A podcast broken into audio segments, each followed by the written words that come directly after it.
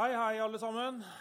Hjertelig velkommen hit til eh, Litteraturhuset Fredrikstad. Eh, og det er veldig hyggelig at så mange har funnet veien hit for å snakke om eh, noe som jeg er veldig glad i å snakke om, nemlig eh, en av mine favorittbyer, eller den favorittbyen min. Eh, I kveld så, Jeg heter Roy Andersen, jeg er leder her på Litteraturhuset. I kveld er, skal jeg også være en av de som skal fortelle dere litt om, om eh, om, eh, om vin. Eh, vi skal gå rett på sak. Vi har veldig eh, mye informasjon og mange bilder og, og, og mange artige historier å komme med. Så vi, vi introduserer da eh, hovedpersonen, nemlig Knut Olav Åmås fra, fra Fritt Ord. Vær så god, Knut Olav.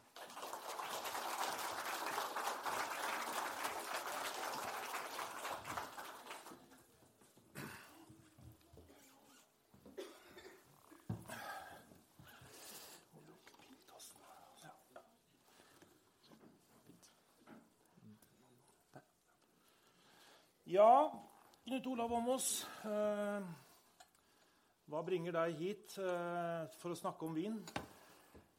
Ja, det er jo du, da. og Litteraturhuset i Fredrikstad, som jeg er så, så glad i.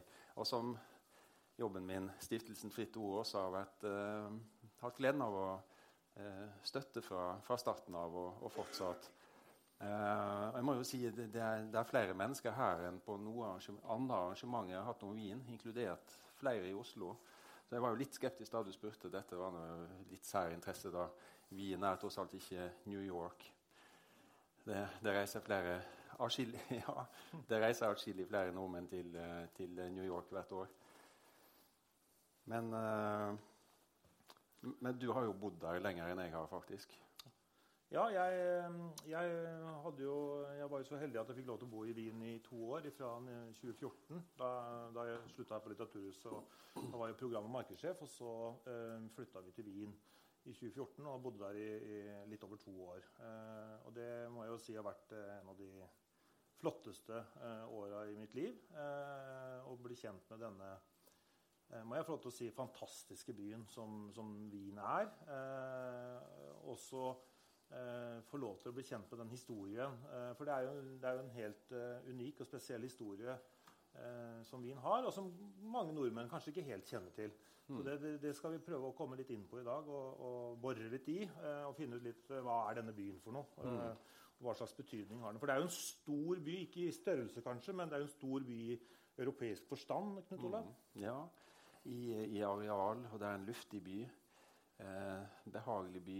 Min andre favorittby er New York, som har et helt annet tempo. og Der det er mye mer hektisk å, å være. Så, så av den grunn blant annet, er jeg mer glad i Wien. Jeg har et 30 år langt forhold til Wien sjøl. Kom dit som, eh, som ung journalist og kom tilbake som, som filosofistudent. Jeg skrev en hovedoppgave om den østerrikske filosofen Ludwig Wittgenstein. Og, eh, og har senere skrevet mer om østerriksk kulturhistorie og, og filosofi. Og eh, ja, jeg er vel der tre-fire ganger i året, kanskje. Og jeg har studert i Innsbruck og også bodd i Wien for å skrive, eh, skrive et par bøker. Men eh, litt misunnelig på deg som har bodd der over lengre tid. Det er en av de få byer, i tillegg til Oslo, eh, av større byer i eh, verden jeg kunne tenke meg å bo i hvis jeg måtte, måtte flytte.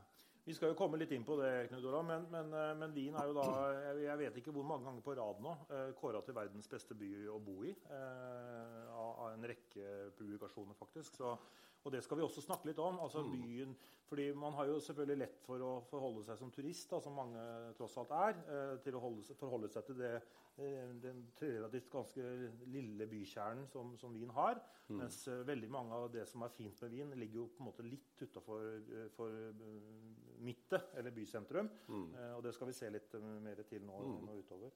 Men hva, slags, hva er det som fascinerer deg ved Wien? Knut Olav? Jeg har vært inne på, på noen av tingene. Mye plass. og eh, Det er en behagelig og sympatisk by å være i. Det er en trygg by. Og man kan velge det beste av alt, enten det er eh, museer, musikk eller mat. Eh, har, har kategorisert eller karakterisert Wien ved de tre M-ene, eh, der man kan finne det eh, det meste og det beste. Musikk, mat og, og, museer. Og det skal vi komme tilbake til. Mm. Rikt illustrert. Ja. Eh, og så er det kontrastene også som fascinerer. Det, vi har det intime Innerstadt, altså det historiske bysentrum, med så mange eh, kronglete, smale gater. og samtidig de, de eh, breie, storslagne alleene med en hel kavalkade av eh, verdens arkitekturhistorie eh, langs én gate og, og, på noen få kvartaler. Uh, og samtidig, med denne intime, historiske byen, så er altså Wien, som du var inne på, faktisk Europas grønneste storby. Det, det, jeg har prøvd å sjekke det, men jeg finner ikke noe som avkrefter det. parkene er det mange av. Det er én ting som gjør Wien til Europas grønneste eh, metropol. Men, men, også de store grøntområdene, uh, skogene rundt Wien, da, rundt Kalenberg og Wienerwald. Og innenfor Wiens bygrenser finnes det ganske store arealer ved vinmarker. Og, og uh, vindyrkingen i Wien har, har, og Østerrike har, har, kommet seg etter denne etanolskandalen på 80-tallet. Ja. Uh, masse deilig hvitvin og rødvin, ikke minst. Og Vinmonopolet i Norge er blitt veldig god på østerriksk rødvin. Det kjenner kanskje den biodynamiske Meinklang, som er en sånn seks på terningen-vin til 140 kroner. Mm. Meinklang, ja. Meinklang, ja. Mm. Og så har du, og så har du, så har du begått bok om eh, vin også. Ja, ja. Bare si litt om det, kanskje. Ja, så, så. Det kom for tre år siden uh, i, i, en serie på Kagge forlag. en serie som begynte med en bok om New York, som jeg også skrev sammen med min kjæreste, som er redaktør i tidsskriftet Syn og Stein. Og, så Vi begynte med New York, og så fortsatte vi med, med Wien. Og siden har andre skrevet om mange andre byer i samme serie.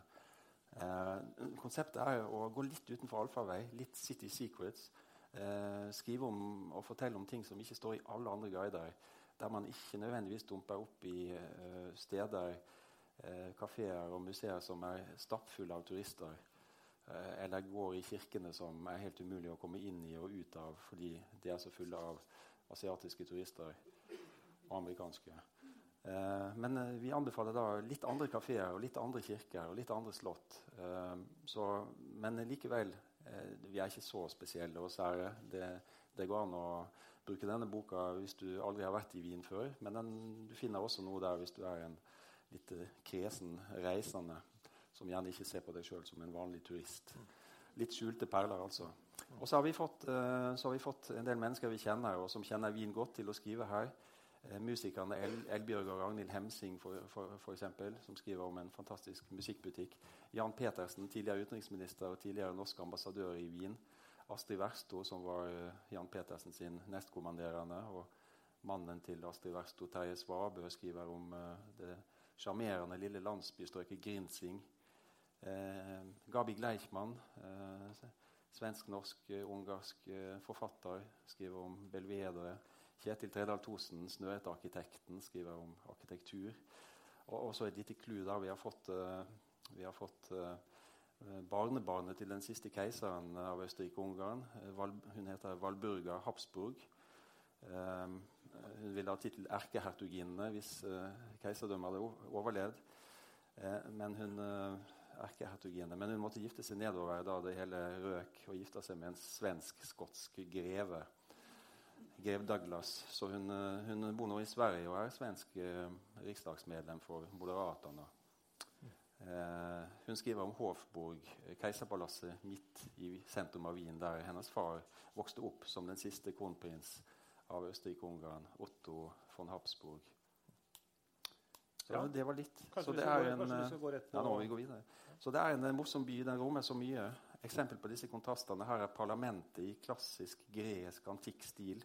Tegnet av en dansk arkitekt, faktisk, Theofil Hansen, som også tegner Musikkverein, der nyttårskonsertene finner sted. Eh, elegant rampe som vi ikke ser her, og 24 greske søyler i fasaden. Og fra dette pompøse og strigla og litt kjølige, som er det bildet de fleste har av Wien, så kan man, så kan man uh, finne det samme som, som mange er så begeistra for ved Berlin. Nemlig det uh, rufsete og litt sånn uh, anarkistiske blitsaktige, nesten. uh, Kafeer og barer og tagging og graffiti langs kanalene her, Donaukanal. Eh, der, der det fins strender altså midt i byen. Eh, her er noe som heter ja, Vi så Tel Aviv Beach på, den, eh, på det forrige bildet, i funkisstil.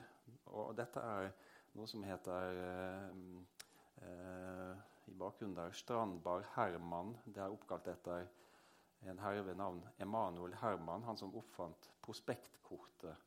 Som fant på den ideen å sende kort med bilder fra stedet der man er. Så det er litt av noen uh, kontraster. Uh, og, og, du har sett mer av disse kontrastene enn jeg har. Hvordan er det å leve og bo i Wien? og Hvordan i verden blir en by som noen kan oppfatte som litt kjedelig, kåret til verdens beste by å bo i? Nei, altså jeg bodde jo da, eh, Dere så jo kanalen nå nettopp. Eh, og dette er jo også rett ved kanalen. Eh, den Strandbar Herman da, Jeg bodde jo rett på andre siden der. Og, og så over der. Det er klart at det, det er jo spesielt altså Fra mai-juni så er det jo stappa fullt med, med folk langs Donau kanal. Og et yrende liv. fantastisk. Det er, det er sånn herlig bare gå langs kanalen der. Og det er, det er masse folk og veldig mange unge mennesker veldig mange unge mennesker som, som, som, som er ved kanalen. Eh, og så eh, Nå har vi bevega oss litt lenger, litt lenger, eh, oppover i byen. Eh, og, og, faktisk til et sted som eh, du, du, nevnte dette med grønne grøntarealer. Eh, det er altså Wien er, er Europas grønneste hovedstad, uten mm. tvil. 50% av byarealene er grønne. 50 Og Noe av grunnen til det er at det er jo denne, eh, denne øya som vi egentlig nå ser her, som heter Donau Insel, som da betyr Donauøya, mm -hmm. som, eh, som, for så vidt er en slags falsk øy. fordi det dere ser på innsiden her at dere har jo nå På, på venstre side i bildet her nå, så har dere Hoveddonau. Den renner da liksom på en måte litt ut, på utsiden av byen. Og så har man da gravd opp denne eh, do, Neue Donau, som den heter, på innsiden her. Eh, og der er det faktisk eh, veldig rent og pent og klart vann. Eh, og, og denne, denne, denne, Jeg har løpt den, så jeg vet den er to mil lang. Den er kjempelang, den, den øya her. Som, er, som, går som en sånn tynn tarm oppover mm. i, i Donau. Og, og, det er jo et yrende menneskeliv der. Eh, og dere må ikke gå glipp av det hvis dere er i Wien på sommeren. Dere må dere ta T-banen opp hit til Donau-Insel eh, og, og, og, bruke noen timer. Gå og kose dere. Ta med dere badetøy. Eh, det er jo fantastisk å bade her. Det er veldig mange mennesker som, som bruker mm. disse områdene. her. Så er, disse rekreasjonsområdene er jo helt unike. Eh, og, ja. og, og, det er jo et paradis for barn også, selvfølgelig. Så her var, her var, vi mye, eh, og det overraska meg hvor, lite, hvor, få turister vi fikk se her. Mm. For det er stort sett eh, folk fra Wien som, som, er her, fordi turistene de surrer nede i byen hele tiden. Ja. Ja. Altså, ja, det er jo for så vidt naturlig at ja. turister ikke reiser til Wien for å bade. da. Ja, det kan du si, men eh, når, når, man vet hvor varmt det kan bli i Wien på sommeren, så ja, ja. Da, det, kan, det kan være deilig å kan kombinere Man kan jo dra opp her på morgenen, ta morgenbadet sitt her, da, og så kan man jo dra ned i byen etterpå. Veldig varmt. Og, og Budapest har mer av sånne klassiske bad- og spa-anlegg, men eh, Wien har også noen av de innendørs for enhver for enhver årstid. Men uh, det er sant det kan bli utholdelig varmt om uh, sommeren i Wien. Uh, så jeg, jeg, reiser oftest til Wien om, om, våren og høsten. Er temperert og, og fint. Og, så har de jo, og, og dette her er jo her, her er man jo ute. og så har jo Wien et tjuetalls badeanlegg eh, ute. Eh, ja. Som er litt større enn en Kongsten-anlegget, selvfølgelig. Men, men, som, men, for så vidt litt av det samme. Og noen av dem ligger jo helt praktfullt til. Den ene ligger jo oppe på i denne høyden over byen, på oppe ved Vinmarken her, så man ser mm. utover hele byen når man bader og, ja. og koser seg i bassenget der. Det er også veldig veldig flott. Ja. Men vi må videre. Ja. Eller rett og slett tilbake. Mm. Du, du, du, har antydet at vi må, vi må, gi litt historisk bakgrunn. Men jeg er dårlig på den gamle historien til Wien, så det får du uh, orientere om. Ja, ja altså jeg, skal, jeg, jeg, er jo ikke noen ekspert, jeg heller, da, men jeg vet jo i hvert fall litt. Eh, Wien er jo en gammel, by, gammel romersk by. Eh, det er jo dette, som dere vet, så gikk jo grensa til Romerriket ved Donau. Eh, Donau var jo Romerrikets skyttergrense. Så, så, romerne hadde jo da eh, De lagde jo en, en, en, garnisonsby som het Vin Bonda, og det er da eh, dagens Wien. Eh, og hvis man er i sentrum av Wien i dag, så finnes det fortsatt rester under bakken der etter den gamle romerske byen. Og det er også et museum som heter Rømermuseum, tror jeg, som, som, som, hvor man kommer inn og ser da ruinene. Også nede ved Hofburg er det noen ruiner fra mm. romertiden. Eh, men, men, i all hovedsak så er jo dagens Wien bygd oppå den gamle romerbyen Wien. Mm. Hvis man drar eh, en 20-25 eh, minutter ut av Wien, så kommer man til en romerby som heter Carnuntum, som faktisk er mer eller mindre intakt. I den forstand at man har bygd opp deler av den gamle romerske byen.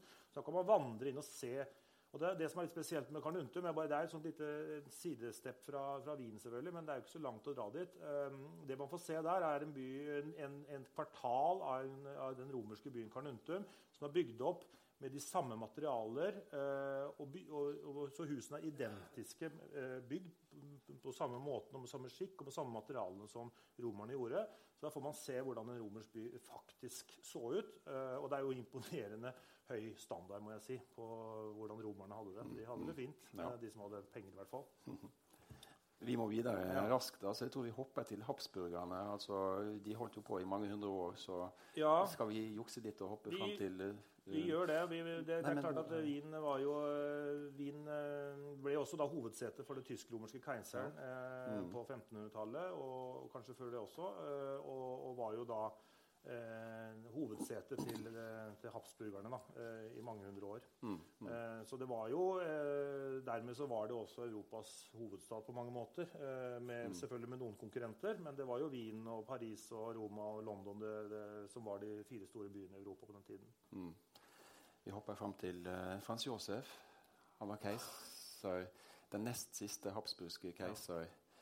Og han satt i Det var nærmere 70 års regjeringstid. Det, det, er jo en helt, helt utrolig historie. Hvis man liksom får anledning til å lese Skal, skal man lese om en, en østerriksk heiser, så må det være Frans Josef. Han sto jo da med en fot eh, i både den gamle tid og, den, og, og, ble da tvunget over den nye tid.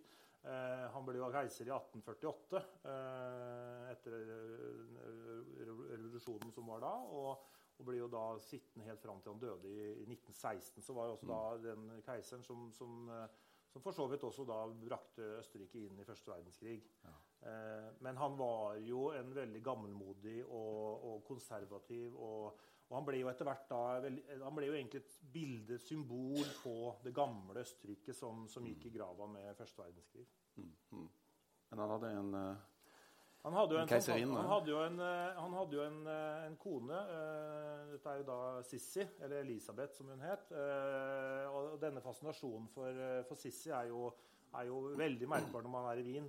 Jo, hun har museer, og hvis man drar ut på, på, på Schönbrunn, på, på, det store slottet der, så, så er jo Sissi Eh, veldig tilstedeværende i, i, mange av rommene der også. Hun var, jo veldig, hun var jo veldig selvopptatt, men utrolig vakker eh, dronning. Eh, og, ehm, og eh, hun, hun, døde jo som, som fleste andre rundt Frans Josef veldig tragisk. Eh, hun ble jo drept av en anarkist på 1890-tallet. Ja. Mm. Men myten om henne lever videre i Østerrike i dag. Ja. Og Det enkleste er å besøke Sissi-museet i Hofburg, altså helt i sentrum av, av Wien. Og i, eh, i, denne guideboka vår så skriver jeg Finn Skårderud om denne kulten rundt uh, Sissi. Skriver godt om det. Vi, vi, uh, og her er Hofborg, som jeg allerede har nevnt. Uh, Keiserpalasset midt i byen. Det er kanskje ikke det flotteste av de habsburgske keiserne og kongenes slott, men det viktigste, og det er det i dag også, det er et internasjonalt konferansesenter der der, der FN-organisasjoner, OSSE og andre holder konferanser. Og, og der kontorer for flere departementer, bl.a. den østerrikske presidenten vel, og flere ja, deler av regjeringen. Og Der finner man også flere museer. Sissi-museet har jeg nevnt, men også den spanske hoffrideskolen, som eh, mange av dere sikkert kjenner også fra enkelte sånne visuelle klipp under nyttårskonserten. Eh, det fins eh, kronjuveler og sølvkammer og, og leilighetene til, til eh, keiserfamilien. og, og jeg skal bare lese noen få linjer fra Valburga Habsburgs tekst i boka. her, for Hennes far vokste altså opp i Hofburg og Otto von Habsburg, som ble europapolitiker, parlamentariker og, og fast spaltist i Morgenbladet, da det hadde noe mer konservativ profil. han bodde der altså i sine barneår. og og Valburga skriver om, om, dette i en artikkel i boka med tittelen 'Der min far tilbrakte barneår'. Da var, var, han altså en liten kronprins av Østerrike-Ungarn. Jeg spurte min far om hvordan det var å flytte og bli omgitt av en så stor organisasjon som et hoff er. Og Da fortalte han meg hvordan livet i Hofburg føltes ganske vanskelig for ham. Eh, de svært lange korridorene i dette store slottet med 2600 rom Eh, men far husket at han fikk et værelse ganske langt borte fra foreldrene. Og siden han var eldst, hadde han ikke lenger sin egen nanny. Så når han våknet om netten og ropte på sin mor, fikk han alltid følelsen av at hun ikke kunne høre ham. At ingen kunne høre ham. Da han fortalte sin mor om dette, bestemte hun seg for å la sin dør stå åpen for å høre om han våknet av mareritt. Ofte trodde hun at hun hadde hørt ham rope, og løp til hans rom. Men korridorene var så lange og dørene så like at hun hadde store problemer med å finne ham mang en natt. ja, og, og, jeg vet ikke om vi får se bilder av det etterpå, men på andre siden her så ligger jo Heldenplats. Mm, mm, ja. eh, vi... Det har vi ikke bilder av, men vi, vi titta ut uh, den andre veien, ja. mot Michaelerplatz. Uh, ut den mest barokke porten og utgangen. Og, og uh, her var en liten sånn cliffhanger. For fra et visst tidspunkt, 1913 tror jeg det var, så, så nekta keiser Frans Josef å bruke denne porten og denne utgangen resten av sitt uh, liv. Det ble bare tre år, men det var noe utenfor denne porten som gjorde han rasende. Og vi skimta det for så vidt der i bakgrunnen, den bygningen der. Så Frans Josef brukte de tre siste åra av sitt liv helt andre utganger. Kommer tilbake til det. Alle disse slottene i Wien og utenfor Wien, over hele riket eh, altså Det habsburgske imperiet startet seg over det som i dag også er eh, deler av Polen, deler av Ukraina, eh, deler av Tsjekkia og Slovakia, eh, deler av Italia, Ungarn, selvsagt. Har jeg glemt noe da? Italia, deler av Italia. Ja, deler av Italia. Det, var jo et, det, det hadde jo altså 50, over 50 millioner mennesker eh, på sitt meste eh, og strakte et voldsomt område. Og, dette nødvendiggjorde da eh, boliger og representative slott rundt omkring. og, og, det har slått meg eh, Det må da ha vært eh, forferdelig å møblere alle disse slottene. Men der hadde man faktisk en svært praktisk løsning. Man hadde det meste av møblene på ett sted, et såkalt keiserlig møbeldepot, som i dag er blitt et museum midt i Wien, like ved Maria Hilferstrasse, som i dag er en strålende handlegate. Dette er her, her, henter man møblene, og så frakter man de rundt fra slott til slott og ut av depotet og inn i depotet. Eh, i lange karavaner.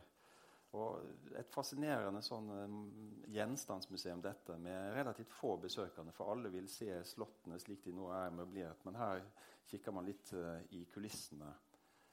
Eller man kan uh, fortsette i sentrum med det som visstnok skal være verdens eneste globusmuseum.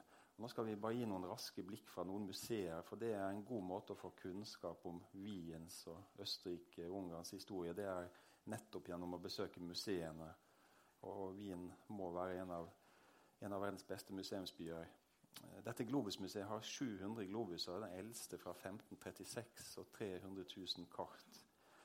Og Hvis man ikke får nok av et sært museum når man er i den bygningen i Herrengase, like ved Hofburg, så kan man bare gå en etasje ned, så kommer man til det som sannsynligvis må være et av de få esperantomuseene som finnes noe sted.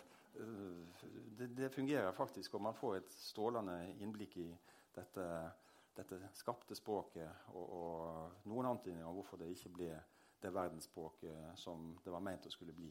Wien har i det hele tatt altså mange mainstream og flotte standardmuseer. Men det er også noen av de særeste museer som man finner noen sted. Altså Globusmuseum, og så Esperanto-museum. Men det finnes også i Wien et snøstormmuseum. Har du vært der? Nei. Nei. Det finnes et snapsmuseum. Har du vært der? Nei. Eh, og det finnes også et abortmuseum med, med svært begrensa åpningstider. Jeg har ikke vært på noen av disse. det finnes også et kriminalmuseum fra 70-tallet. Det, det er litt fascinerende. Ja, der oppe har jeg, det har jeg hørt mye Ja, om. det er like ved Augarten eller noe sånt. Ja. er riktig. Men eh, et av, en, av, eh, en av eh, våre fineste biblioteksaler, barokk, eh, tidligere hoffbibliotek, finnes også like ved Hofburg i sentrum av Wien, på Josefplatz. Det er jo en av verdens fineste. Ja. Jeg hadde bare sagt 'verdens' så mange ganger at jeg prøvde å variere språket litt. Dette er, dette er, dette er helt eh, det, det må, der, der mister man pusten litt når man kommer inn, fordi man tror nesten ikke det man ser. Av, av eh, barokkarkitekten Fischer von Erlach eh, fra 1720-tallet. 77 meter lang sal og integrerte plassbygde bokhyller fra gulv til tak. 200 000 skinninnbundne bøker fra 1500 til 1850. Og til enhver tid eh, fine temautstillinger nede på, på gulvet i denne 77 meter lange salen. Man kan eh, gå gjennom Hofburg, eh, eh, over Ringstrasse og, og finne Naturhistorisk museum. Ja, det var til å si litt om, for dette er jo antakeligvis det museet jeg besøkte flest ganger jeg var der. For jeg har jo tre barn, så, så dette er jo Men det, det er jo et veldig, veldig rart sted, eh, dette museet der. Eh, dette, fordi dette det var jo på 1800-tallet veldig viktig å erobre verden eh, for, for, for disse både vitenskapsmenn, men også keiserens menn og, og, og, keiser, og kongefamilien var også selv ute eh, og samle objekter. og da, måtte, da var Det å bygge opp en stor samling var veldig, var, var veldig viktig. Mye av dette er jo da det er jo kongelige, gamle kongelige samlinger. Ja. Eh, og det er jo helt identisk med sånn som det ble bygd på 1880-1890-tallet. Så det er jo, man kommer inn der, så det er som å komme til et museum fra Ja. bokstavelig talt 1800-tallet med gamle teakskap og sånn. Det, er- det er helt fantastisk. Eh, og det er utrolig mange, eh, mange rare utstillinger der. Eh, Mm. Så det er virkelig eh, verdt et besøk. Eh, da får man liksom eh, skal si, man, får, man, får, man, man reiser litt tilbake i tid eh, når man Mm, kommer dit, mm. dit også. Ja. Så det å bygge disse museumsbygningene og fylle de med gjenstander fra hele riket, hele imperiet og hele verden, var jo en måte å eh, befeste keis keiserrikets makt og, og vise, vise dets posisjon, selvfølgelig. Og, og ikke bare bygde man denne praktfulle, store nyklassisistiske bygningen da rett utenfor Ringstase. Man bygde en helt identisk en, eh, 100 meter unna, helt identisk, og gjorde det til kunsthistorisk museum med en rekke gamle mestere, for å bruke tittelen på Thomas Bernhards bok, som delvis foregår her i Kunsthistorisk museum. Her finner man eh, mange gamle mestere, bl.a. altså Peter Brygel, den eldres Babels tårn. Det, en, det er en spesialutstilling om Brygel eh, nå i vinter. Jeg prøvde å komme inn på den i adventstida i desember, men det var, det var så lange køer at jeg uh, gav opp og gikk på kafé i stedet for.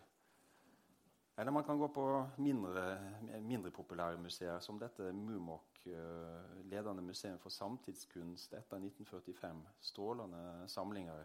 Dette ligger i museumskvartier, eh, som har tolv museer samlokalisert like ved de andre museene. Så i Wien har, har man hatt troen på å plassere ting sammen. I, I Oslo er man eh, nå litt nervøs for at det skal bli for mye samla på ett sted nede, nede ved fjordkanten, men uh, i Wien fungerer det. Og inne på Museumskvarter, da, som er det gamle stallen til keiseren, faktisk, som er Mm. ombygd til et helt annet kvartal eh, som, som da, da, man går inn i denne, denne gården der, så er det jo museer overalt. Men det er også et yrende folkeliv på Mm. Ja. sommeren. og Masse Ja. restauranter og koselige barer. og Ja, sånn. Det er et veldig fint sted å gå eh, og tilbringe tid. Masse tilbud for barn og unge. Og, og om vinteren kan man også være ute og drikke glyvein. Altså sånn eh, en slags uh, gløgg. Eh, her er eh, et annet museum i dette kvartalet, Leopold museum, som har verdens beste samling av Egon Schiele, men også svært god på Kokoschka og Gustav Klimt, og har også en, eh, en del Edvard Munch. Men vi, vi bare forflytter oss raskt fra museum til museum her. Et klokkemuseum. 700 klokker i, i fem-seks trange etasjer. Små etasjer med knirkende gulv. Og et, et helt infernalsk tikke, tikkehelvete. De, altså Ingen tikker likt. Alle viser lik tid, men det er 700 forskjellige tikkelyder. Men svært fascinerende. Fra det minste armbåndsur til, til den største veggklokke fra offentlig sted. Um, og, og, den 700 kilo tunge tidligere klokka i Stefansdormen, den ringer heldigvis ikke. Litt uh, stillere her i eh, Belvedere. Vi ser, det er spiret på Stefansdormen vi ser i bakgrunnen der, er det ikke det? Jo, tror det. Unteres Belvedere, som vi ser i bunnen av hagen her. Det fins et nedre Belvedere og et øvre. Dette er et barokt representasjonsanlegg fra 1720-tallet for Eugen av Savoyen. Utrolig vakkert parkanlegg og kunstmuseum siden 1903. Og i den enda større bygningen som ligger litt sånn eh, bak fotografen her, Oberis Belvedere, så fins det en fantastisk fin samling av glimt. De hadde 33 Glimt-verker her, bl.a. dette som de fortsatt har, 'Kysset'. Men i løpet av de siste ti årene har de måttet levere tilbake ti Glimt-verker tilbake til jødiske etterkommere av eierne, som ble, var blitt frarøvet de av, av nazistene. Mm, det var, ble laget en film om det også for, for noen få år siden. Apropos jøder, et, et, museum som sier en del om framstående, skapende jøders skjebne i Wien, er jo Freud-museet i Bergasse, Freuds leilighet, der han hadde sin praksis. Bergasse 19 i uh, 9. Bezirk, Alzergrund. Sigmund Freud var jo psykoanalysens far. Eh, han, eh, han, hadde en masse hysteriske overklassedamer i Wien som pasienter og prøvde å finne ut hvorfor de var som de var. Og, og var, forklaringene var mye seksuelle problemer og traumer nå var dette en veldig enkel versjon av psykoanalyse. Da. Jeg håper det, håper det, ikke er noen, håper det ikke er noen terapeuter eller psykiatere. Vi forlater det. Men uh, han Vi ser litt av leiligheten her. Det er fascinerende å være der. Det er ikke så mye der. fordi Freud måtte jo flykte fra Wien i 1938. Via Paris uh, kom han til London, og den kjente divanen er i, i, i leiligheten i, i, London. Men det, selve leiligheten her er intakt i, i Bergasse 19 og har vært et besøk. Der hadde Freud leilighet og kontor fra 1891 til 1938. Så i de, eh, i de nesten 50 årene ble psykoanalysen utvikla og praktisert der. Mm. Den, eh, den perioden eh, hvor Sigmund Freud eh, levde og virket i Wien, var jo en, en veldig eh, da var jo Wien en veldig blomstrende by uh, i Europa. Uh, og det var en magnet på, på, på veldig mange mm. kunst, vitenskap, kultur, litteratur. Um, og, ja. Nevnte du musikk? Og ikke minst musikk, selvfølgelig. Men, men, hva var det, hva var det, hvorfor, hvorfor ble det slik? Hva var det med Wien som gjorde at det var en slik kulturmetropol da, på slutten av 18- og begynnelsen av 1900-tallet? I noen få tiår hva skal vi si, 1880 til ja, 1910 iallfall. Kanskje litt lenger. Det, det, er et veldig godt spørsmål. Hvordan kunne det skje så mye nytt på ett sted nesten samtidig? Og hvorfor kunne det skje akkurat der? Eh, altså Det er bemerkelsesverdig at det skjedde. Og, og, jeg tror den type by Wien var som hovedstad i et så stort eh, keiserrike og kongedømme, er noe av forklaringen. Fordi i Wien eh, eh, Til Wien kom, eh, kom mennesker fra, fra halve Europa. fra ulike deler av Øst-Europa, fra Sentral-Europa og ned mot Middelhavet nesten. Mange jøder kom som følge av russiske keiserens pogromer på, på, slutten av 1800-tallet. det jødiske forklarer ganske mye, fordi inntil Frans Josef eh, eh, ga, ga, østerrikske jøder rett til å eie eiendom og landbrukseiendommer ca. 1860, eh, så, så, kunne man ikke det. Så det var svært mange jøder som, som ble advokater. I 1885 var halvparten av alle advokater i, i Wien uh, jøder. Og 60% av legene og 10-15% av befolkningen, en svært stor del av befolkningen. De eide alle ledende medier, og, og mange, ble, mange, ble, veldig rike, eh, suksessrike forretningsmenn. Eh, F.eks. For eh, familien Wittgenstein, som eh, hadde jernverker i, i Bøhmen og, og, og, bygde store deler av Østerrike-Ungarns uh, jern, jernbanetraseer. Uh, og hvis ikke ja, en, del av de ledende kunstnerne var jøder. Maler, Brahm, Maler Wittgenstein, Freud Josef Hoffmann osv. Uh, Eh, hvis de ikke var kunstnere sjøl, så, så, eh, bidro de jødiske rike familiene gjerne til å finansiere kunsten. Kjøpe den eller støtte den. Ja, å, uh, så disse sammentreffene her forklarer litt. Absolutt. Jeg tror, men jeg tror en, en, en, ting som er viktig å ha med seg hvis man skal forstå Wien, er jo, er jo den de, de, de, Skal vi kalle det rivningene som er i Wien eh, mellom eh, og det, veldig, det, blir jo veldig synlig da på slutten av den perioden vi snakker om nå, eh, nemlig begynnelsen av 1900-tallet, hvor Wien da tross alt er eh, hovedstaden i et multietnisk rike med 13 nasjonaliteter, tror jeg, eh, og 50 millioner mennesker, som jeg sa. Mm. og veldig mange trekker selvfølgelig inn mot hovedstaden, som da var Wien. som gjør at Wien da er en smeltedigel av ideer, av mennesker og etnisiteter Mm. Og keiseren eh, skal jo si, Selv om han var en konservativ og, og gammelmodig mann, så var han eh, veldig opptatt av å være keiser for hele dette mm. riket. Så, så, så må jeg si at det liberale, multikulturelle og multietniske eh, sinnelaget ligger jo også i Wien. Eh, mange eh, skal vi si, sverga jo troskap til keiseren. Mm. Og, den, og, og, et vin som på en måte hadde blikket utad. Mens veldig eh, store deler av Østerrike og Wien eh, eh, hadde jo mer sans for det tyske. Eh, og var mer opptatt av keiser Wilhelm i Tyskland eh, og det han sto for. Uh, og, så man vil alltid ha de, og disse rivningene finner man jo i Østerrike i dag også. altså Mellom det, ja. de som på en måte har blikket vendt utover, og, og det multietniske, mens, eh, mens, mange da måtte, ja. er mer tro mot det tyske. Uh, ja. og, og, Adolf Hitler var jo en av de som flytta inn til uh, Wien i 1907.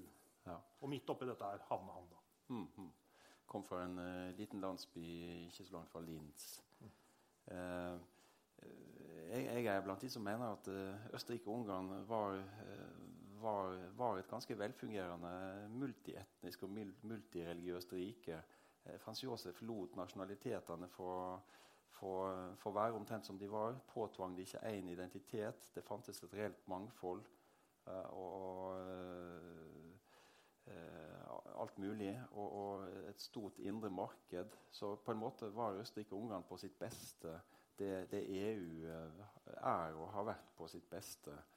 Eh, nå er det mye, mye, mye, mye, som ikke fungerte i Keiserriket, og mye som ikke fungerer i EU også. Men, eh, men eh, det at Wien da var sentrum i, i et, i et eh, rike som greide å holde nasjonalismen i tømme helt fram til 1914, uh, gjorde at Wien fikk en enorm folkeøkning og, og, og et folketall på langt over to millioner da, ved utbruddet av andre verdenskrig. Og eh, eh, det eh, Og som sagt 10-15% av de var, var, var jøder. Det, mange av de kjente hverandre også. Altså det blir ofte romantisert litt at alle møtte hverandre på kafé. Det, av og til skjedde det, men jeg, jeg, har som sagt skrevet litt om filosofen Ludwig Wittgenstein. Han, han hadde en søster som, eh, som, lot seg psykoanalysere av Freud. Eh, og, og, For øvrig så finansierte hun deler av Gustav Mahlers arbeid. Og Johannes Brahms holdt huskonserter i, i, eh, i familiehjemmet. Og som om ikke det var nok, så lot hun seg like etterpå male av Gustav Klimt. Så Ett eksempel på at, eh, at, de ledende kreative klassene i, i, i Wien eh, hadde en del med hverandre å, å, gjøre også, uten at vi skal overdrive det sånn veldig. Og en fun fact er jo at i, i, apropos, men det, det, tilhører jo en litt annen kategori mennesker, men, men, men, i 1913 så bodde altså da Stalin, Hitler og Trotsky i Wien samtidig. Ja, ja, ja. Men de, de, tingene vi har nevnt, Hitler og Maler, Mahler, vis, viser kontrast, kontrastene i Wien også. Her er det både fascinasjon og skrekk. Altså både noen av de verste eh, Både mye av det grusomste og mest reaksjonære og tilbakeskuende i, i historien, med framveksten av nazisme og fascisme, og samtidig altså det mest radikale, nye og nyskapende i alle kunstarter. Så Wien er på, på samme tid i disse tiårene de gode drømmenes by, der det beste av menneskelig eh, skaperkraft viste seg. Og samtidig altså åstedet for de svarteste mareritt i, i, verdenshistorien. Eh, og I dag fortsatt er Wien på en måte keiserbyen, men landet har jo krympa. Så eh, wienerne beskriver jo byen i dag ofte litt som eh, et, veldig stort, et, veldig stort, hode på en veldig liten kropp. men, men Wien er en vital by. Det er mye vitalt liv. Men uh, likevel er wienerne veldig opptatt av død og elendighet. Uh, så, så, hvis dere har litt tid når dere kommer til Wien, så er det alltid, alltid utbytterikt å besøke eh, jødiske gravplasser eller andre kirkegårder. For den barokk-katolske østerrikske historien Eh, og den dødskulten som, eh, som, de dyrker der, den lever ennå. Eh, og man får et inntrykk av den. altså Klasseskillene var jo ekstreme i, i eh, keisertidas Wien. Og begravelsene skulle også gjenspeile dette, i alle fall for de som hadde nok. Altså Begravelsen ble en sosial arena og markør i seg sjøl. Og, og, og, det skulle vises estetisk. Eh, selve hedersordet om en vellykka og vakker begravelse var å si es var en, jeg svarer en skjønnes leich. Det var et vakkert lik. Da, det var et vakkert lik. Da, da var begravelsen fullkommen også estetisk. Dette er fra Maxer Friedhof, eh, jødiske graver. Um, Mozart er, er, er, gravlagt her i en, i en massegrav, visstnok. Uh, han døde vel midt i en pestperiode. Det, det, er litt usikkert nøyaktig hvor han uh, ligger, men det er iallfall reist en hvit marmorsøyle på et, uh, på et fint sted.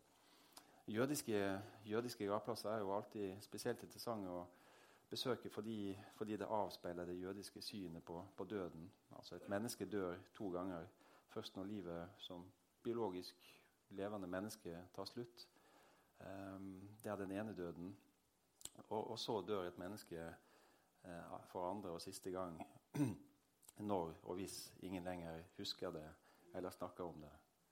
Og Det er grunnen til at jødiske graver aldri skal slettes, og at uh, mot jødiske graver uh, gjør spesielt sterkt inntrykk.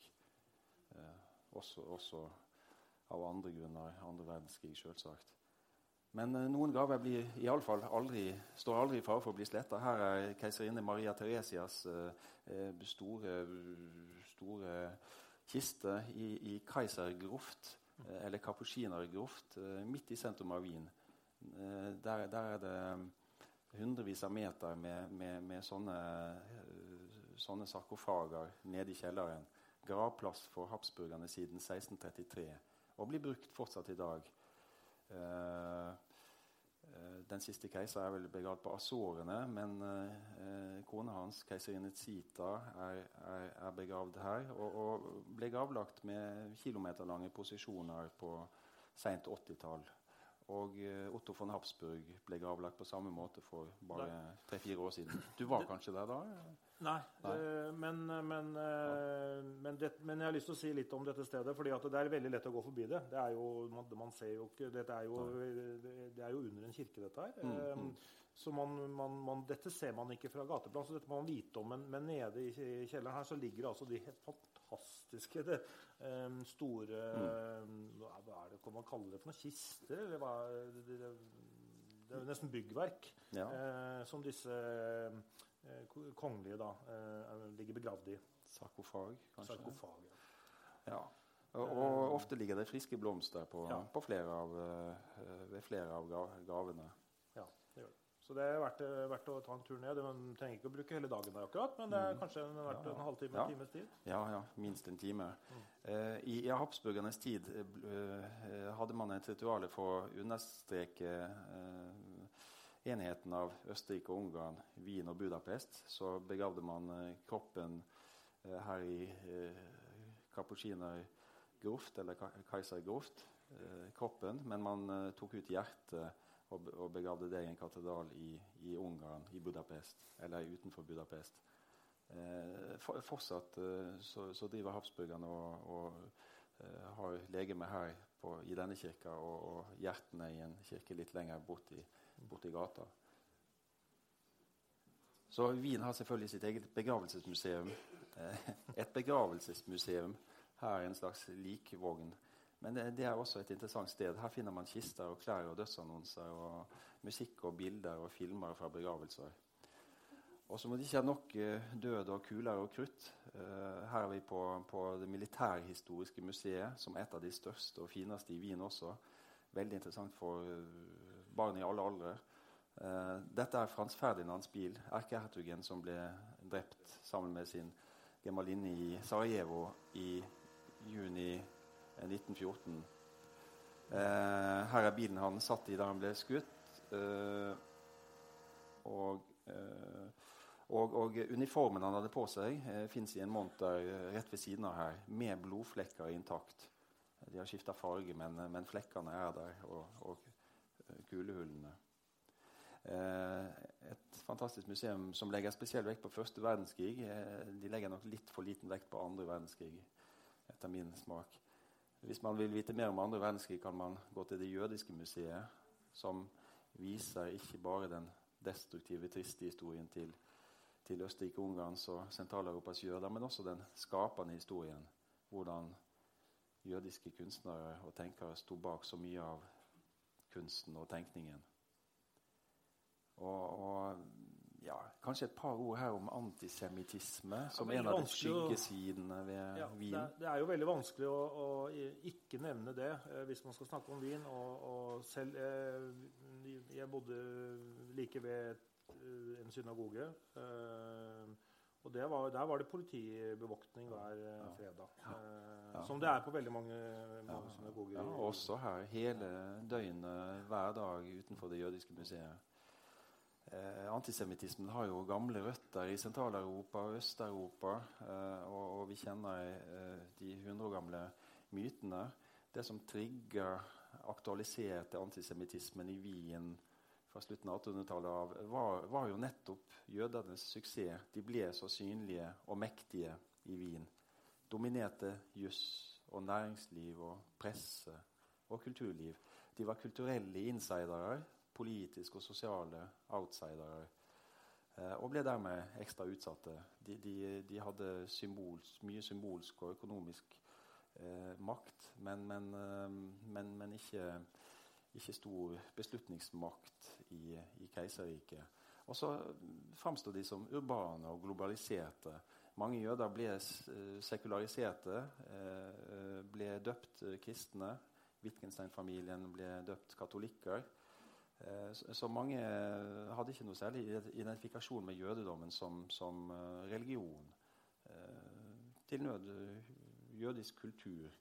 Og det å, det å konvertere ble da av, av andre krefter gjerne kalt karriere, karrieretaufe, karrieredåp. For, for, fordi, fordi det å være en, en, en borger av keiserriket var viktigere enn å dyrke den jødiske identiteten. Um, Det var, jo, Ja. det var jo to, Så vidt jeg husker, så var det vel 200 000 jøder som bodde på det Mm, meste i. Wien.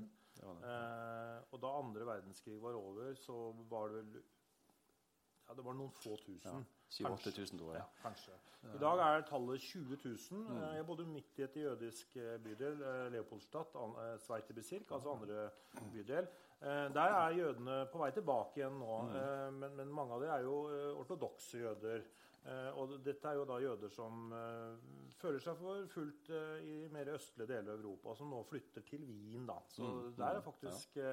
antall jøder i vekst. Og det som er litt morsomt, er i andre, andre bydel, som, som jeg snakka om nå, der er det også, en, ganske, der er også ganske mange muslimer som bor. Og de lever veldig godt fint side om side. Mm, mm, ja. Eh, og eh, eh, Wien er jo også på en måte sionismens fødested. Forfatteren og pressemannen Theodor Herzl, avisredaktør, skrev jo sin bok om jødestaten rundt århundreskiftet. Og, og hadde ambisjoner og gikk vel inn i forhandlinger med den daværende paven også. Om å, altså han, han ja, han eh, bidro gjerne til å, til å skaffe paven flere eh, konvertitter til katolisismen hvis paven kunne være behjelpelig med noen landområder i Midtøsten.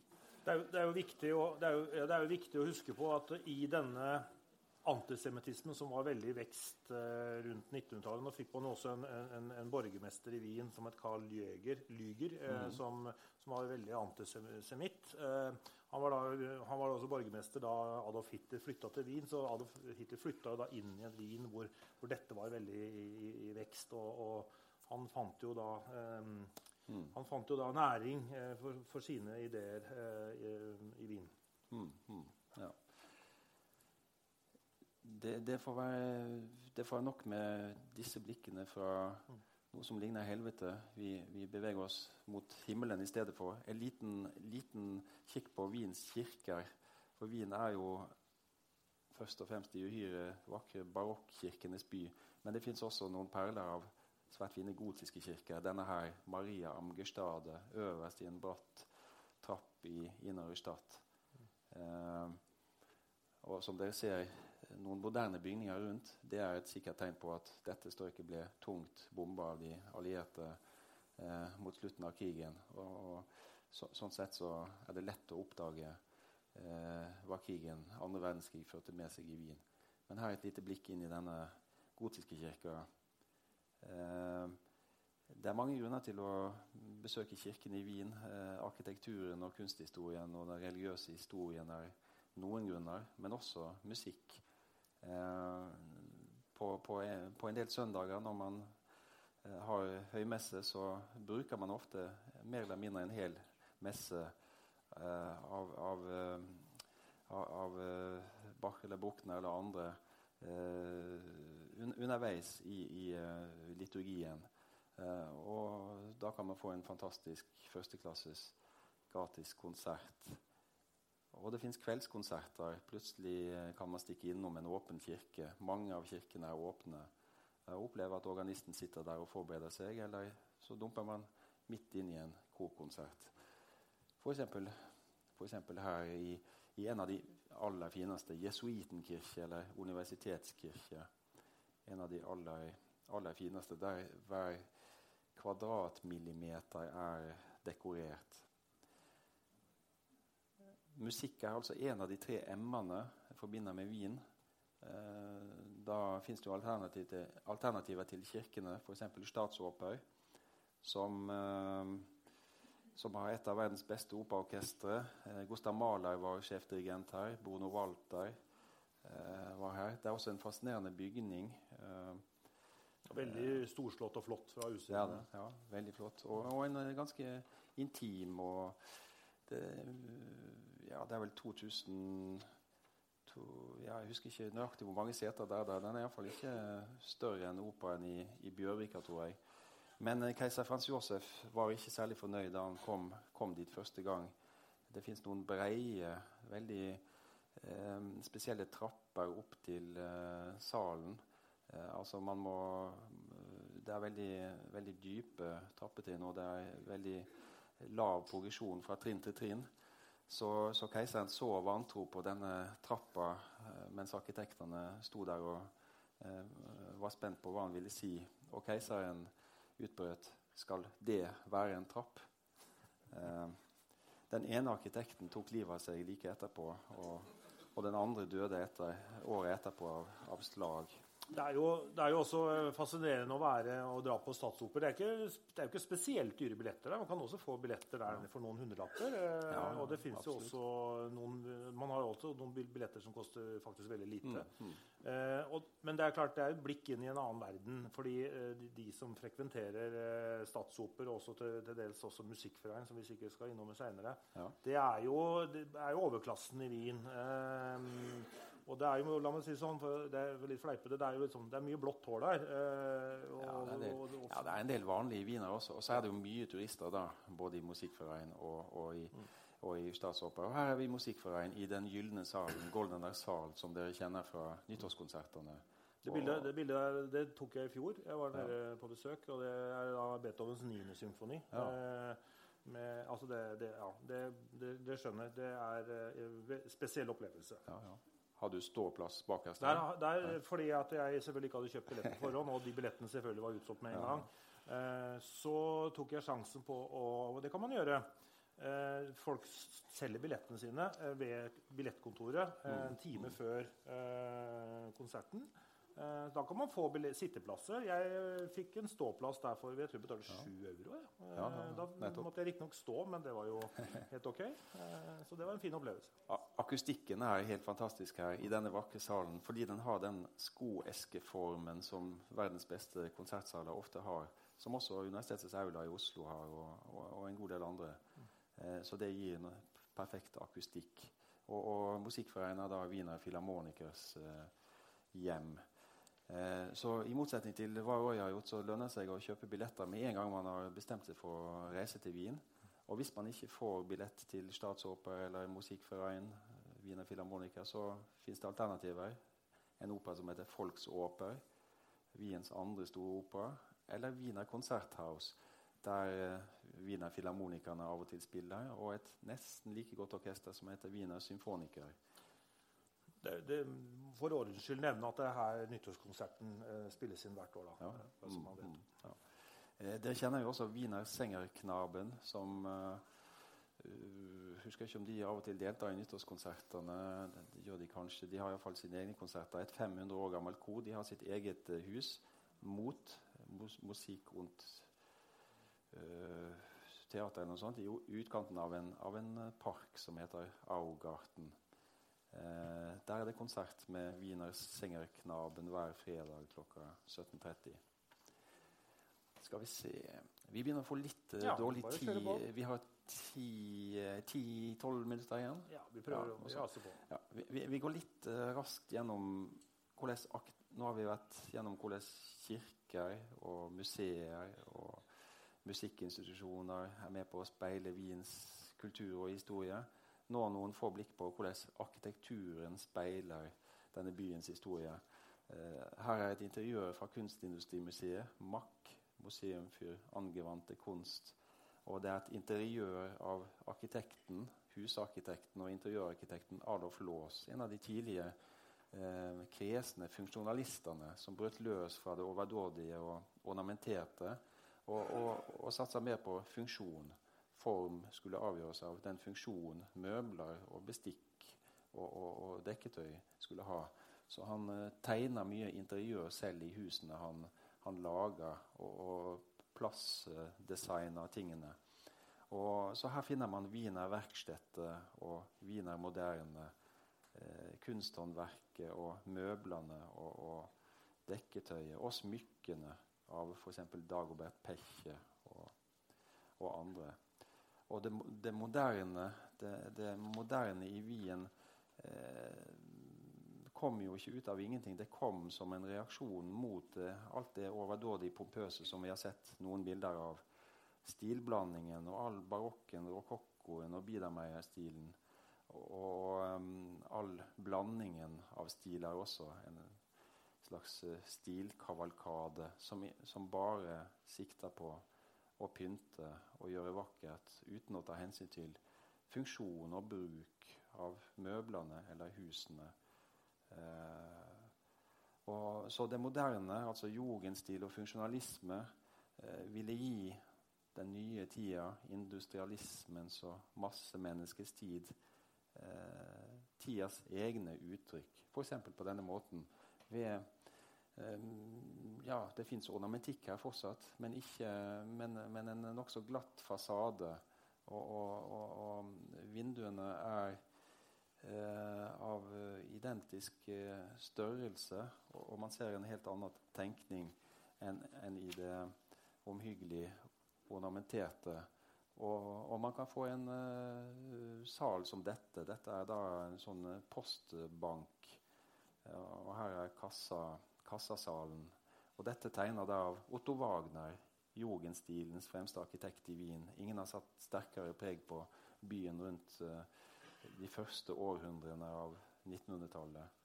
Uh, eh, han var byplanlegger, og byen vokste jo så raskt at man måtte bygge mye og raskt i jern og stål.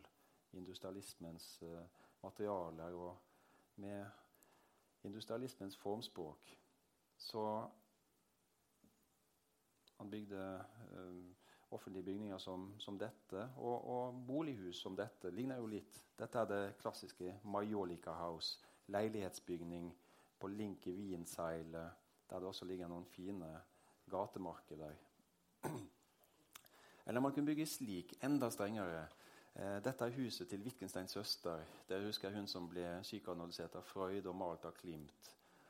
Og så fikk hun uh, en elev av mesterarkitekten Arlof Låstad til å tegne dette huset til seg, med assistanse av sin egen bror Ludvig Wittgenstein, filosofen. Og, uh, og, og uh, de, de, andre søsknene var skeptiske til om det gikk an å bo i et så kaldt og strengt hus. Det er et hus for guder, sa en av søstrene. Det er bare Margarete som kan bo der. Eh, Wittgenstein bidro da til å gjøre det enda, enda, strengere. Wittgenstein bodde jo to år innerst i Sognefjorden eh, i, i, Norge og skrev deler av sine viktigste verker der mellom 1913 og 1950. Eh, det blir sagt for, for, for, å vise hvordan det skulle være perfekt og det skulle være eksklusivt, også, også om formspråket var så moderne og så enkelt. Da da eh, huset var nesten ferdig, så var, sto Wittgenstein i stua og, og eh, merka at eh, det var noe feil. Romfølelsen var feil. Og han fant ut at eh, taket var 20 cm for, for, høyt. Det måtte senkes 20 cm. Eh, ingeniøren som var ansvarlig for dette allerede dyre eh, husbygget, spurte er det virkelig så viktig, herr arkitekt, filosof, og, og filosofen, arkitekten Wittgenstein, svarte det. alt, absolutt alt er viktig, herr ingeniør, bortsett fra tid og penger. Dette er logikk som er blitt hus. Logikk som er blitt hus. Eh, og dette huset bygde da Lås, Adolf Lås på Michaelerplass. Og det er dette huset som da ligger utenfor den mest barokke inngangen til Hofburg, og som er grunnen til at uh, keiser Frans Josef ikke ville bruke den utgangen de siste tre åra av sitt liv. Kjetil Tredal Thosen skriver om dette huset i, i, boka vår og kaller det et av verdens viktigste arkitektoniske verker fra tidlig 1900-tall. Uh, eh, det ble foraktelig kalt 'Huset uten øyenbryn' da det sto helt ferdig. Eh, nå kan man jo se noe som ligner øyenbryn her, men de, disse blomsterkassene med de sterkt rødsprakende blomstene blir satt opp for å gjøre skandalen og katastrofen litt mindre. Eh, for å gjøre majestetsfornærmelsen litt mildere. Eh, men dette var en svært modig bygning å bygge eh, på slutten av Frans Josefs eh, keisertid. Og det blir sett på som en majestetsfornærmelse. Selv om dere kan se at materialvalgene er ytterst eksklusive. Det er marmor og de, de fineste treverk, tretyper innvendig. Men det hjalp ikke. Det var altfor enkelt. Um, men dette arkitektoniske motet har Wien fortsatt med. Her er i bakgrunnen Hofburgs grafikkmuseum, Albertina, der noen av dere sikkert har vært i et uh, bypalé fra 1744. Og så, 300, nesten 300 år seinere, så lar byen uh, en arkitekt i 2003 bygge denne frekke, hypermoderne konstruksjonen foran her og et nytt tilbygg. Og Likeens på Stefansplats med Stefansdormen har vi Haas House, dette glassbygget til venstre her, som en sterk kontrast der Stefansdåpen kan speile seg. Så, så dristig bygger man ikke ofte i Norge. Vi har vært inne på den grønne byen Wien. Uh, her er Folksgarten midt i sentrum. Og litt utenfor sentrum et fantastisk palmehus, Palmenhaus, bygd av jern og 45 000 glassplater. Ikke ulikt Crystal Palace i, i London en av de største jern- og glasskonstruksjonene i sin tid. Dette 113 meter langt. Og, og, og, Like ved Hofburg ligger det også en Palmenhaus, uh, hvor det er en veldig fin ja. restaurant som man kan gå inn i og spise i. Det er veldig flott. Så det kan vi sterkt anbefale. Ja. Her er uh, dette Palmenhaus ute ved Schönbrunn. 4500 planter innvendig. Vi går raskt videre til, til mat. Den tredje M-en. Vi har vært innom musikk og museer. Den siste M-en er mat. Eh, Wien var jo en sørgelig matby da jeg kom dit første gang for 30 år siden. Det var litt goulash og litt schnitzel og også litt halvgod kinesisk og italiensk mat. Nå er Wien en uh, virkelig god matby. Sikkert ja, gjennomgått litt samme som Oslo og en del andre skandinaviske byer. Og Det er umulig å snakke om Wien uten å komme inn på kaker. Her er uh, det kongelige og keiserlige hoffbakeriet Demøl midt i sentrum. Eh, dette er bakrommet. De fleste oppdager ikke det, men det går an å gå og se på kakebakingen der. Wien, en, Wien, har 300 pølseboder, og de har pølser med mer kjøtt enn fett og vann. Deilige pølser som man kan få oppskåret eller i, som en hotdog. Eh, fantastisk godt. Er du ikke enig, Roy? Jo. bare to, to sånne digre pølser er en fullverdig middag. Hvis man ikke da heller vil ha min favoritt goulash på en restaurant som heter Gulaschmuseum Der var jeg første gang jeg kom til Wien for 30 år siden. Uh, og der har jeg vært hver gang jeg har vært i Wien siden. Én eller flere ganger per besøk. Uh, de har en stor meny, og de har aldri endra den. Uh, restauranten var stengt noen måneder for et par år siden, og jeg var veldig bekymra for om de skulle gjøre noe med lokalet. Det gjorde de ikke. Og menyen ble heller ikke forandra. De det var bare noe teknisk de skulle fikse. Og i disse 30 årene har jeg bare Menyen ser veldig stor og fristende ut, men jeg har bare i disse 30 årene spist den ene retten der. En bønnegulasj med paprikapølse og, og en sånn uh, Weissbier til. Eller flere. Uh, en annen wienerspesialitet, Tresjnijevskij. En sånn snittebar, smørbrødbar eksistert siden 1902. De har noe de kaller aufstriche, et pålegg. Eh, det er så mange gode varianter. Det, det, er vanskelig å ta bilde av mat. Jeg vet ikke om det ser godt ut, men det er, er godt. Et fint lunsjsted. Smørbrødbarer som i en kjede rundt omkring i Wien. Eh, La oss gå litt på kafé. Eh, det fins et stort antall wienerkafeer. Kafé eh, Sentral er den mest kjente. Men det går an å finne andre kafeer som eh, er mer stille, har kanskje mer autentisk atmosfære. F.eks. her Kafé Vestend oppe ved Vestbahnhof. Her er en som heter Kafé Sartel like ved Hundertwasserhaus. Det er en fin kafé å besøke hvis man er der. Eh, i, i, bak i denne kafeen har Det internasjonale tryllekunstnerselskapet sitt faste samlingssted. Nå, nå, er det jo lett å tenke på når det gjelder vin og kafeene, at en, en, overflodens by Det er lett å tenke at kafeene ble skapt av en kultur med stort overskudd på penger og tid og kreativitet. Og Det stemte jo for noen av gjestene, men ikke for de fleste. Wienerkafeene var fulle for 100 år siden, 120 år siden eh, fordi eh, folketallet økte så sterkt. 2,2 millioner innbyggere rundt år 1900. Det hadde økt med mange hundre tusen på noen få tiår. Og, og, det var en ekstrem boligmangel og stor fattigdom. Og det fantes et fenomen som heter betgeer. Det var arbeidende menn og kvinner som ikke eide noen ting, ikke eide noen leilighet. De leide en seng i et lite rom åtte-ti timer, og så måtte de ut. Sove enten om dagen eller om natta. Og hvor skulle de være resten av døgnet? Jo, bl.a. på kafé der de kunne sitte i timevis med en kaffekopp og lese gratis aviser. Side om side med noen av samtidas fremste kunstnere. Eh, ikke han da at det er min kjæreste og medforfatter. på Kafé Ailes. Eh, en sliten, eh, teppebelagt kafé. Eller Kafé Prykkel, som har en 50-tallsstil like ved Kunstindustrimuseet. Wien er jo en hyggelig by, men eh, det er ikke alltid man syns at wienerne er like hyggelige. De, de, er, de er, litt lik en del nordmenn på det viset at de kan være ganske reserverte og kjølige. På den andre sida, i servicebransjene, er de definitivt mer profesjonelle. De gir deg det du vil ha, prikkfritt levert i, i smoking. med et smil, et stivt smil.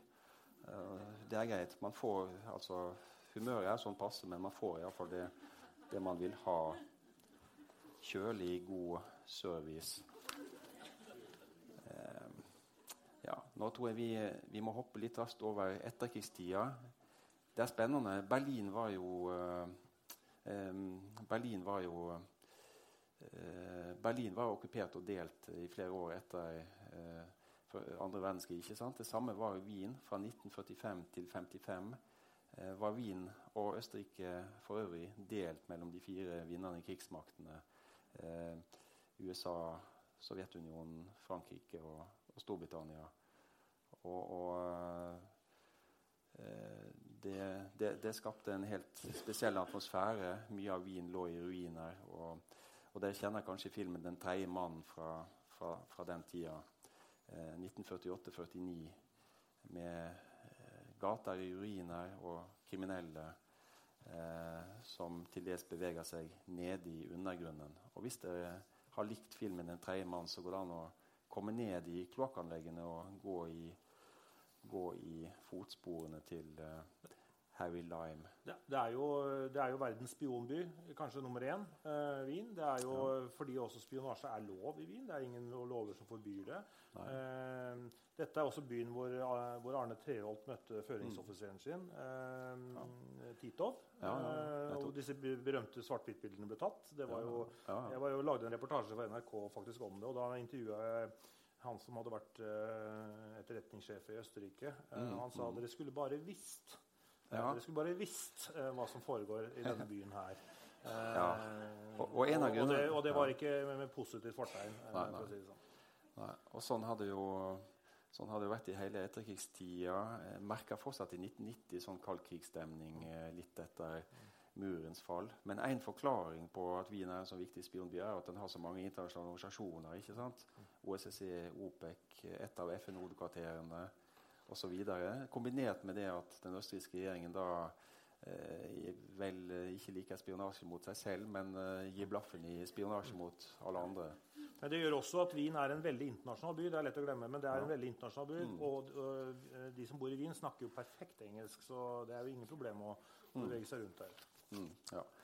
Bare noen få, nå skal vi snart slutte. Bare noen få glimt fra arkitektur og gater og smau. Her er en typisk eh, Eh, smal, fin gate i Innerøystadt. Og, og Biedermeier-arkitektur eh, i, eh, i like, like, bak de store museene. Et område som heter Spittelberg. Fantastisk. Og de eksklusive handlegatene Graben og her Kålmarkt, der vi ser altså Hofburg med Michaelerplatz og Låshaus i bakgrunnen der. Og eksklusive klesforretninger. Her er det arkitekten Adolf Laa som har tegna denne fasaden eh, rundt 1910 eh, for eh, den samme kles, herre, herreklesforretningen som fortsatt finnes. Men vi skal avslutte her i løpet av de siste minuttene nå på Ringstrasse. Eh, gata som slynger seg rundt sentrum, rundt Inderøy 5,3 km rundt hele sentrum. Og denne gata er altså da en arkitektonisk kavalkade over alle stilartene som ble skapt. Der ligger altså Nationaltheatret og musikkforeningen og Parlamentet og Rådhuset og Statsoper osv. osv. Og, dette, og det bemerkelsesverdige er at dette kom altså til i 1865 på Frans Josefs tid. Hvordan i verden kunne man anlegge noe slikt så sent med, med så sentrale arealer, det, det, vet du Ja, fordi for? eh, det var nemlig slik at eh, Wien har jo, eh, hadde jo en, en voldsomt festningsverk, altså en bymur, eh, rundt den indre byen. Og det var jo fordi ottomanerne, eller osmanerne, var to ganger beleira jo byen, og de måtte bygge veldig høye bymurer. Eh, i 18, på 1860-tallet så innså man at disse murene hadde jo ingen forsvarsteknisk verdi lenger, så de ble bestemt man for å rive de ned. Det, det, det gjorde jo at enorme områder rundt byen ble plutselig, eh, sto plutselig helt åpne. Og, og da kunne man selvfølgelig ha bygd det ned med leiligheter og den slags, men det valgte da keiseren ikke å gjøre, og de valgte da å bygge en, en rekke av disse praktbygga eh, liggende rundt på denne, dette ganske store, den store ringen som da ble rundt, rundt byen. Fint å løpe rundt der, eller man kan sykle. Og, og ehm, Eller ta eh, trikk. Ja. Og, og, og mange av bygningene langs eh, mange av praktbygningene langs Ringstrasse ble finansiert eh, gjennom initiativer fra Fats Josef ble finansiert av byens rikeste jøder, mot at de selv fikk bygge mm, litt mindre bolig, boligpalasser på eller like i nærheten av Ringstrasse. Så det er et veldig godt eksempel på offentlig-privat samarbeid. Eh, la meg avslutte bare med å lese noen setninger som karakteriserer Wien og Ringstrasse. Et blikk til her fra denne fantastiske gata. Det fins hele veien muligheter til å gå hvis man ikke kjører eller sykler. Jeg skrev en, en kommentar i Aftenposten for et par-tre år siden om Ringstrasse da den fylte 150 år. Eh, tre, tre år siden, fire år siden, 1865. Jeg kalte artikkelen for 'En ring av selvtillit'. Um, om denne para paradegata, Uh, paraderingen. Men uh, den er elska og hata. Noen har kalt den verdens vakreste gate. Det er den neppe. Uh, men det fins også mye hat mot den, og jeg har nevnt forfatteren Thomas Bernhardt, som på visse måter elsker Wien og Østerrike, men stort sett lar hat mot byen og landet kommer fram i bøkene sine, som er særdeles leseverdige og gir et, et uh, brutalt, ærlig inntrykk av mange av skyggesidene ved Wien og Østerrike. De fleste verkene av Thomas Bernhard er oversatt av Sverre Dahl, og det er så god oversettelse at de like gjerne kan leses på norsk som på tysk. Men Thomas Bernhard skrev et drama som heter 'Elisabeth 2'. Og da lar han en uh, stor industriherre, Herrenstein, stå i leiligheten sin ved Heltenplatz og skue utover Ringstrasse. Og, og, og, han utbryter noe som er typisk for, for kritikken av Ringstrasse. Jeg vet ikke hvorfor Ringstrasse er så berømt. Det er en av de hesligste gater i verden. Intet annet enn pompøs kitsch. Parlamentet, Borgteater, Operaen. Alt sammen eksempler på redselsfulle arkitektoniske feilsteg. Påfunn fra byggmestere uten smak, monstrøse konditorverker. Den ene bygningen er mer grusom enn den andre. Og likevel elsker vi alt dette. Merkverdig. Så langt Thomas Bernhardt. Og jeg tenker at omtrent sånn er det med Wiens mange motsetninger også. Vi finner det høyeste og det laveste. og det mørkeste og det lyseste i menneskelig tenkning og politisk handling. Og vi finner i byen fysisk det storslagne og det intime. Og det enkle og det eksklusive som vi har sett. Og likevel, med Bernhards ord, elsker vi alt dette. Eller nettopp derfor. Merkverdig. Takk. Tusen takk, dere.